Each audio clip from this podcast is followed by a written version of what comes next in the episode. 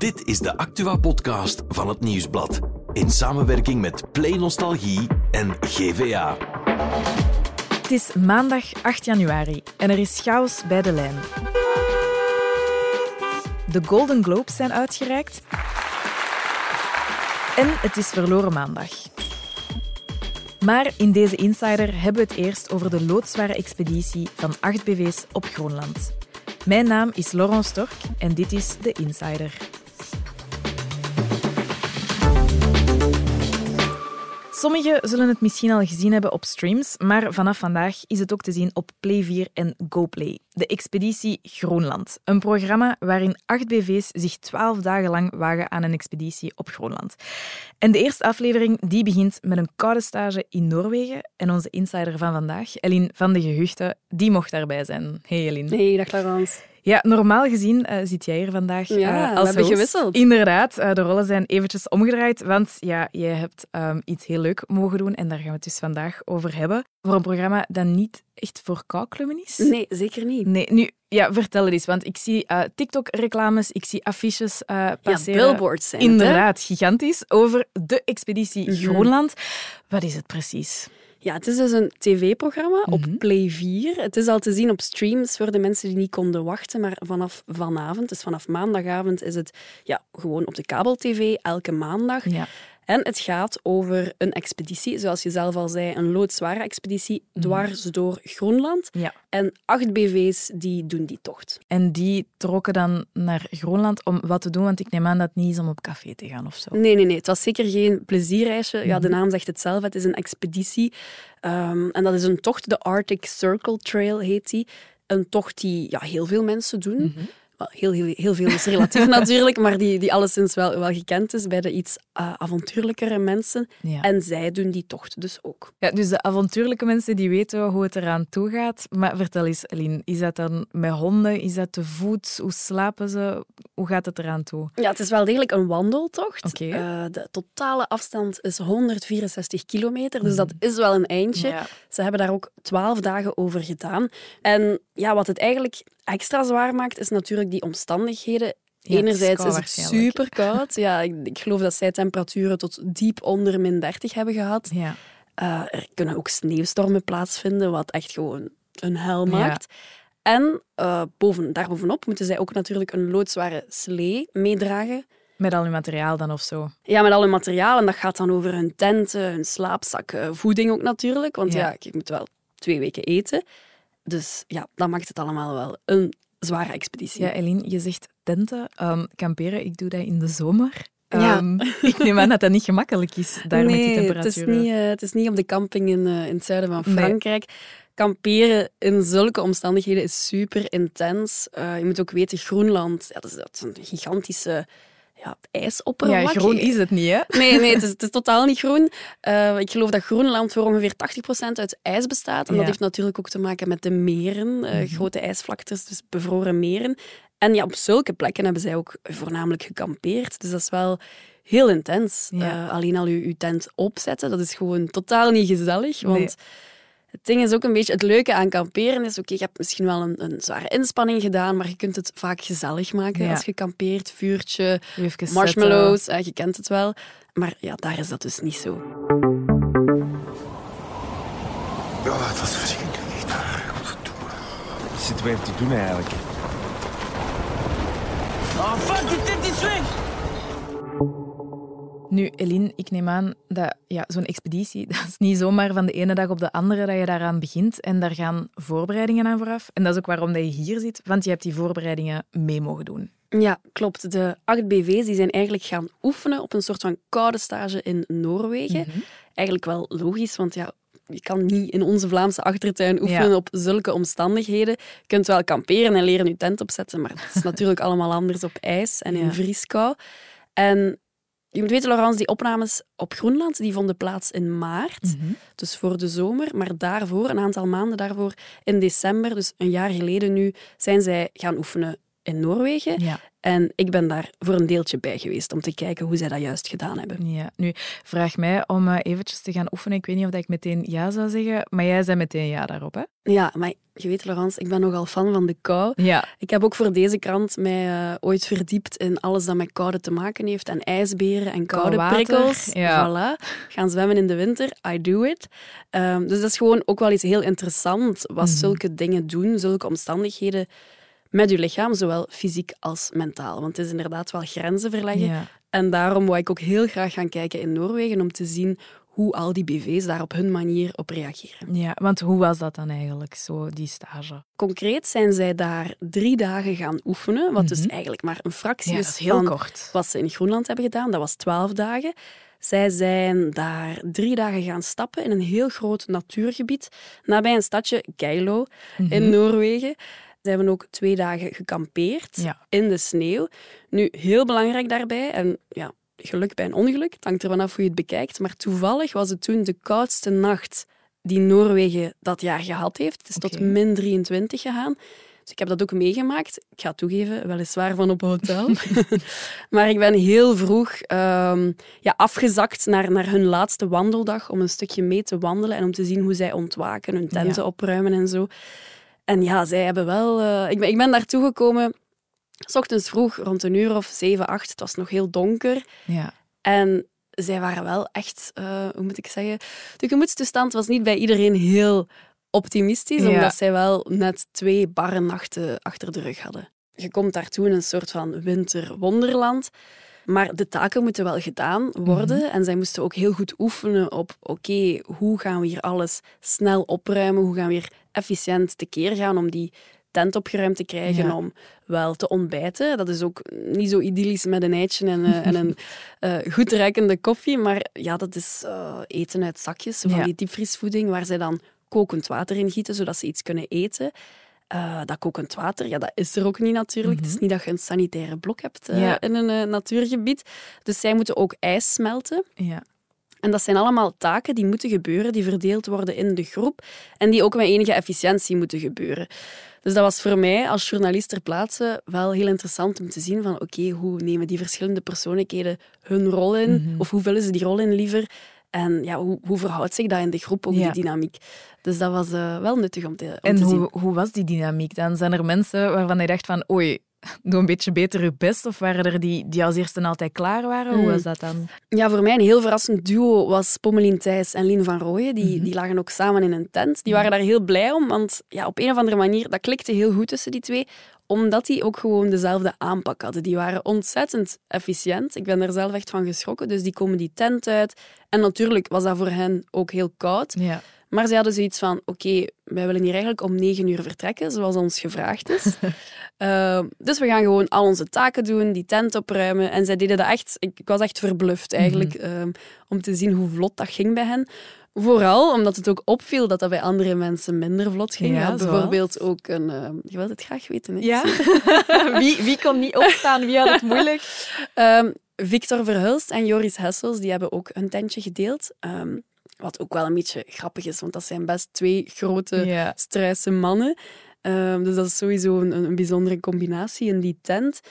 Maar die hadden zoiets van, ja, het is buiten, ik wil niet naar buiten. Waar is het warm? In uw slaapzak. Dus die zijn zo lang mogelijk in hun slaapzak blijven liggen. Ja, zo de kou en ja, zo'n expeditie. Ik neem aan dat de kijker dan de BV's op een andere manier leren kennen, hè? Ja, zeker. Ik denk dat dat ook een beetje de bedoeling is. De opzet van het programma natuurlijk. Het doet een beetje denken aan Over de Oceaan. Dat Ja. is uh, ook een programma, ja, andere omstandigheden, maar natuurlijk ook intens. Um, de oceaan oversteken, dat is ook met BV's. En natuurlijk is de insteek van, oké, okay, je, je, je zet een bijzondere groep samen, die leren elkaar ten eerste kennen, wat ook wel bijzondere conversaties Ja. en standpunten kan opleveren. Maar als kijker ja, leert je natuurlijk de mens achter de BV kennen.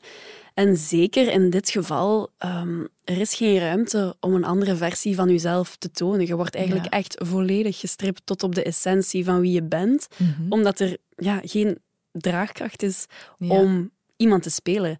En dat maakt het natuurlijk wel interessant. Nu, Eline, van een average Rob weten we dat hij wel graag eens sportieve grenzen verlegt. Onlangs nog meegedaan aan de Ironman.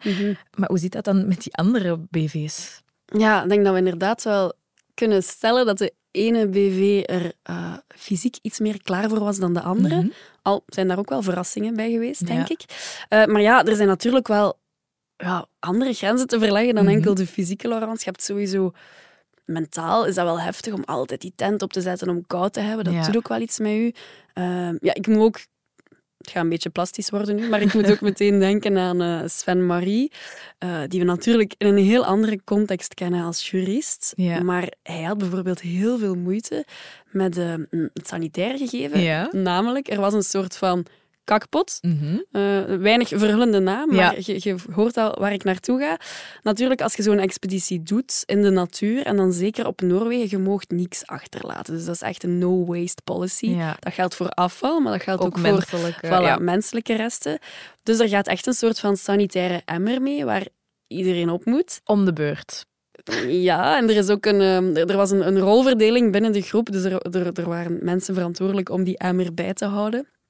Ehm, maar ja, dat is wel, je moet je daar wel even over zetten of zo, om dan niet op een echt eh, clean toilet te gaan zitten, maar dan op zo'n emmer. En dat geldt voor iedereen. Dus ook Ehm, voor Sven Marie natuurlijk. Ja, en Sven Marie was iemand die daar, daar toch zich moeilijk over kon zetten. En die heeft bijvoorbeeld tijdens de koude stage in Noorwegen, waar daar ook op geoefend werd, besloten om niet te eten. Omdat hij zoiets had van, oké, als ik niet eet, moet ik niet op die pot. Nee. Dus het idee is dat er eigenlijk een plastieke zak in die emmer komt. Ja? En dan doe je je ding in die plastieke zak. Oh, mama, zeg. Zie je het zitten? eh, Om op de pot te zitten? Ik denk dat ik echt ga wachten tot het echt klaar zit. Eline, je hebt daar ook natuurlijk met iedereen ook kunnen babbelen. We gaan ook luisteren naar enkele fragmentjes. Eh, waarom heb ik ja gezegd? Omdat ik eh, dat app zelf nooit zou doen. Je gaat, je gaat nu eerder van het ergste uit dan van het beste. En dan kan het alleen maar meevallen. Want dat was echt een kutnacht. Dat was echt heel, heel koud. Dat is iets wat ik, wat ik nooit, nog nooit gedaan heb, gezien heb. Ook niet, stond ook niet direct op mijn verlanglijstje. Dus je voelt wel dat je zo iets aan het doen bent wat je echt de rest van je leven nog aan gaat kunnen terugdenken. En het is wel heel bijzonder. Ja, inderdaad, je hoort het. Ehm, die ervaring was voor iedereen al in Noorwegen heel intens en bijzonder. En dan moest Groenland nog komen. Ehm, bijvoorbeeld een Tina Embrechts, die, ja, die was heel blij dat hij daaraan kon deelnemen. Die had echt zoiets van, ja, ik moet hier ja op zeggen, want ik heb eigenlijk... Ik zit in zo'n rush, zo'n rat race Ja. in mijn eigen leven. Het is erg dat ik daarvoor naar Groenland moet, om daar even uit te stappen, maar ik ga het toch doen. Ja, nu, hè, we hebben de, de BV's eh, die meedoen, maar wat de mensen misschien ook wel vergeten is dat er een hele machine achter zit. Hè? Ja, een absoluut. crew eigenlijk. Hoe was dat voor hen? Ja, zeker vermeldenswaardig. Ja. Eh, ik vind het goed dat je het vraagt. Ik heb daar ook eh, aandacht aan besteed in, in de reportage die ik gemaakt heb. Ja, de mensen denken er misschien minder over na als ze die mooie, mooie beelden zien. Maar iemand filmt die beelden Ja. natuurlijk. En het komt erop neer dat er eigenlijk nog een hele crew diezelfde expeditie doormaakt. Dus Mhm. ook in Noorwegen waren zij daar ook om te oefenen op alles. En dan moest ook voor hen Groenland nog beginnen. Ja. Maar ja, er is enerzijds die hele technische kant. Het is echt niet evident om met camera's en ehm, ja, geluid te werken in zulke omstandigheden. Ja. Er moet ook echt letterlijk ervoor gezorgd worden dat die dingen niet aanvriezen. ja, mijn gsm die kan niet onder nul eh, nee, al te nee, veel doen. Nee, nee, sommige mensen herkennen dat misschien als uw gsm te warm wordt Ja. of te koud. Die batterij die is direct plat. Maar dat is voor hem dus ook een heel ja, moeilijke oefening geweest. Die Mhm. hebben ook geslapen in hun, in hun eh, slaapzakken, hebben die batterijen en camera's meegenomen om die dingen toch Warm te enigszins warm te houden. Ehm, en dan is dan enkel nog maar de technische kant, maar ook zij zelf natuurlijk. Ja, niet kou krijgen, wel nog eten, Mhm. drinken. Dat zijn allemaal dingen waar zij eigenlijk geen tijd voor hebben, omdat zij zich zo moeten focussen op hun werk, op Ja. dat filmen, op dat geluid opnemen, om mooie beelden te zien. Ehm, dus eigenlijk, eh, heel interessant, was er nog een extra crew mee om hen te soigneren. Klinkt een beetje raar, want het was, het was uiteraard geen wellness. Eh, maar als zij te warm hadden, dan waren die andere mensen er om die jassen aan te nemen. Of als ze te koud hadden, dan, dan legden zij een jas op die cameramannen. Ja. Ehm, zij stelden ook vragen van, hebben jullie dorst, hebben jullie honger? Zodat die toch ja, energie binnenkregen. Ja. Hun tenten moesten ook opgezet worden. Zij moesten vroeger opstaan, zij gingen later slapen om alles in beeld te brengen. Ja. Dus eh, heel, heel intens. Chapeau. Ja, Eline, ik zei het hier net ook al. Ik ben geen fan van de kou. Ik heb zo een tweede onderbroek aan eh, vandaag, omdat het sneeuwt. Maar denk je dat ik dan zo'n expeditie wel zou kunnen doen, want ik wil dat wel graag doen. Ja, ik denk dat je dat zeker kan doen. Oké. Ehm, ja, nee, iedereen kan dat doen. Uh, natuurlijk kan je ook niet van vandaag op morgen een marathon gaan lopen, dus er is wel wat voorbereiding nodig. Mhm. Ja, je hebt wel een goede conditie nodig, want er wordt heel veel en heel lang Ja. gestapt. Er zijn natuurlijk poolgidsen die meegaan om, om, om zo'n groep of wandelaars te begeleiden, maar er zijn ook een aantal belangrijke regels waar echt rekening mee gehouden moet worden. Ik heb die ook allemaal eh, te horen gekregen, Ja. natuurlijk. Heel belangrijk is om warm te blijven. En Mhm. dat kan door goed te eten, door je goed te kleden. Heel veel laagjes, een beetje zoals gaan skiën, Ja. maar dan de extreme version. Het is ook heel belangrijk om discipline en structuur te hebben. Dat heb ik al een beetje uitgelegd met die tenten en op Mhm. Ja. tijd vertrekken. Dat heeft eigenlijk allemaal met de veiligheid te maken, want hoe langer je stilstaat, hoe kouder je krijgt. Ja. Dus het is heel, heel belangrijk om de discipline te hebben om je tent op te ruimen, om op tijd te vertrekken, om ook al je spullen altijd op dezelfde manier en op dezelfde In plek te pakken. in te pakken, zodat je alles snel terugvindt. En een hele belangrijke, eh, die ook heel lang is blijven nazinderen bij de BV's, is wet is dead. Je mag niet nat worden, dus niet zweten, want dan vries je een beetje aan als persoon en dat is niet zo aangenaam. Oké, dus wie het eigenlijk graag zelf probeert, jullie zijn gewaarschuwd. En wie het toch niet ziet zitten, die kan gewoon vanavond voor de tv gaan zitten en naar eh, de expeditie Groenland kijken. Dankjewel, Eline, om erbij te zijn vandaag. Graag gedaan, Laurence. Voor het andere nieuws is Nathalie erbij komen zitten. Hey Nathalie. Dag Laurence. Ja, jij hebt nieuws over het openbaar vervoer. Ja, verplaats je je wel eens met de bus? Af en toe, ik heb geen auto, hè, dus ik, ja, openbaar vervoer is live. Hè. Mhm, mhm. Eh, ik zelf zelden, maar mijn kinderen wel. Mhm. En zoals zoveel hebben ze de voorbije dagen toch wel angstvallig gecheckt of hun haltes nog wel zouden bestaan. Ja. Want vandaag ging het nieuwe vervoersplan in. En moesten ze dan te voet gaan? Was hun halte verdwenen? Of? Nee, gelukkig niet, maar die van veel andere mensen wel helaas. En dat zorgde vandaag toch wel voor chaos. Er zijn dan ook meer dan 3000 bushaltes geschrapt. En niet alleen de reizigers moeten opnieuw hun weg zoeken.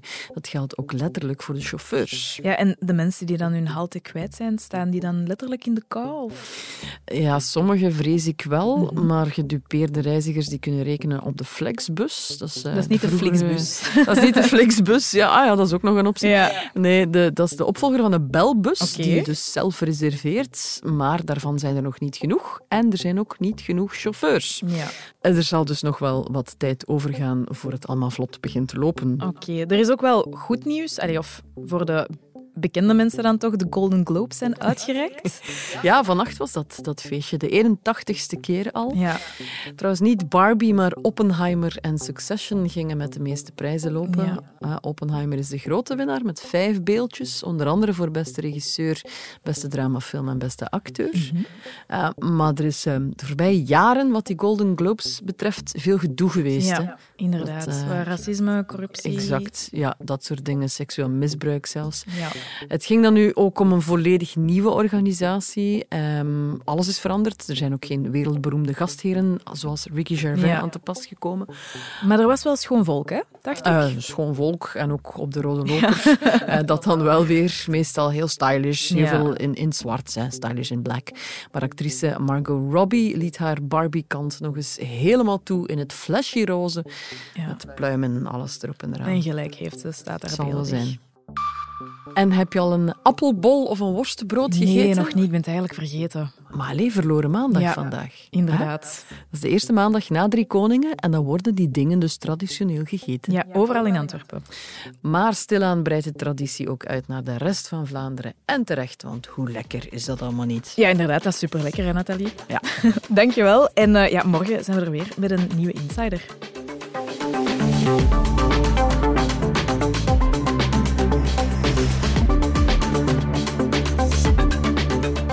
Was The Insider, een podcast van het Nieuwsblad in samenwerking met Play Nostalgie en GVA.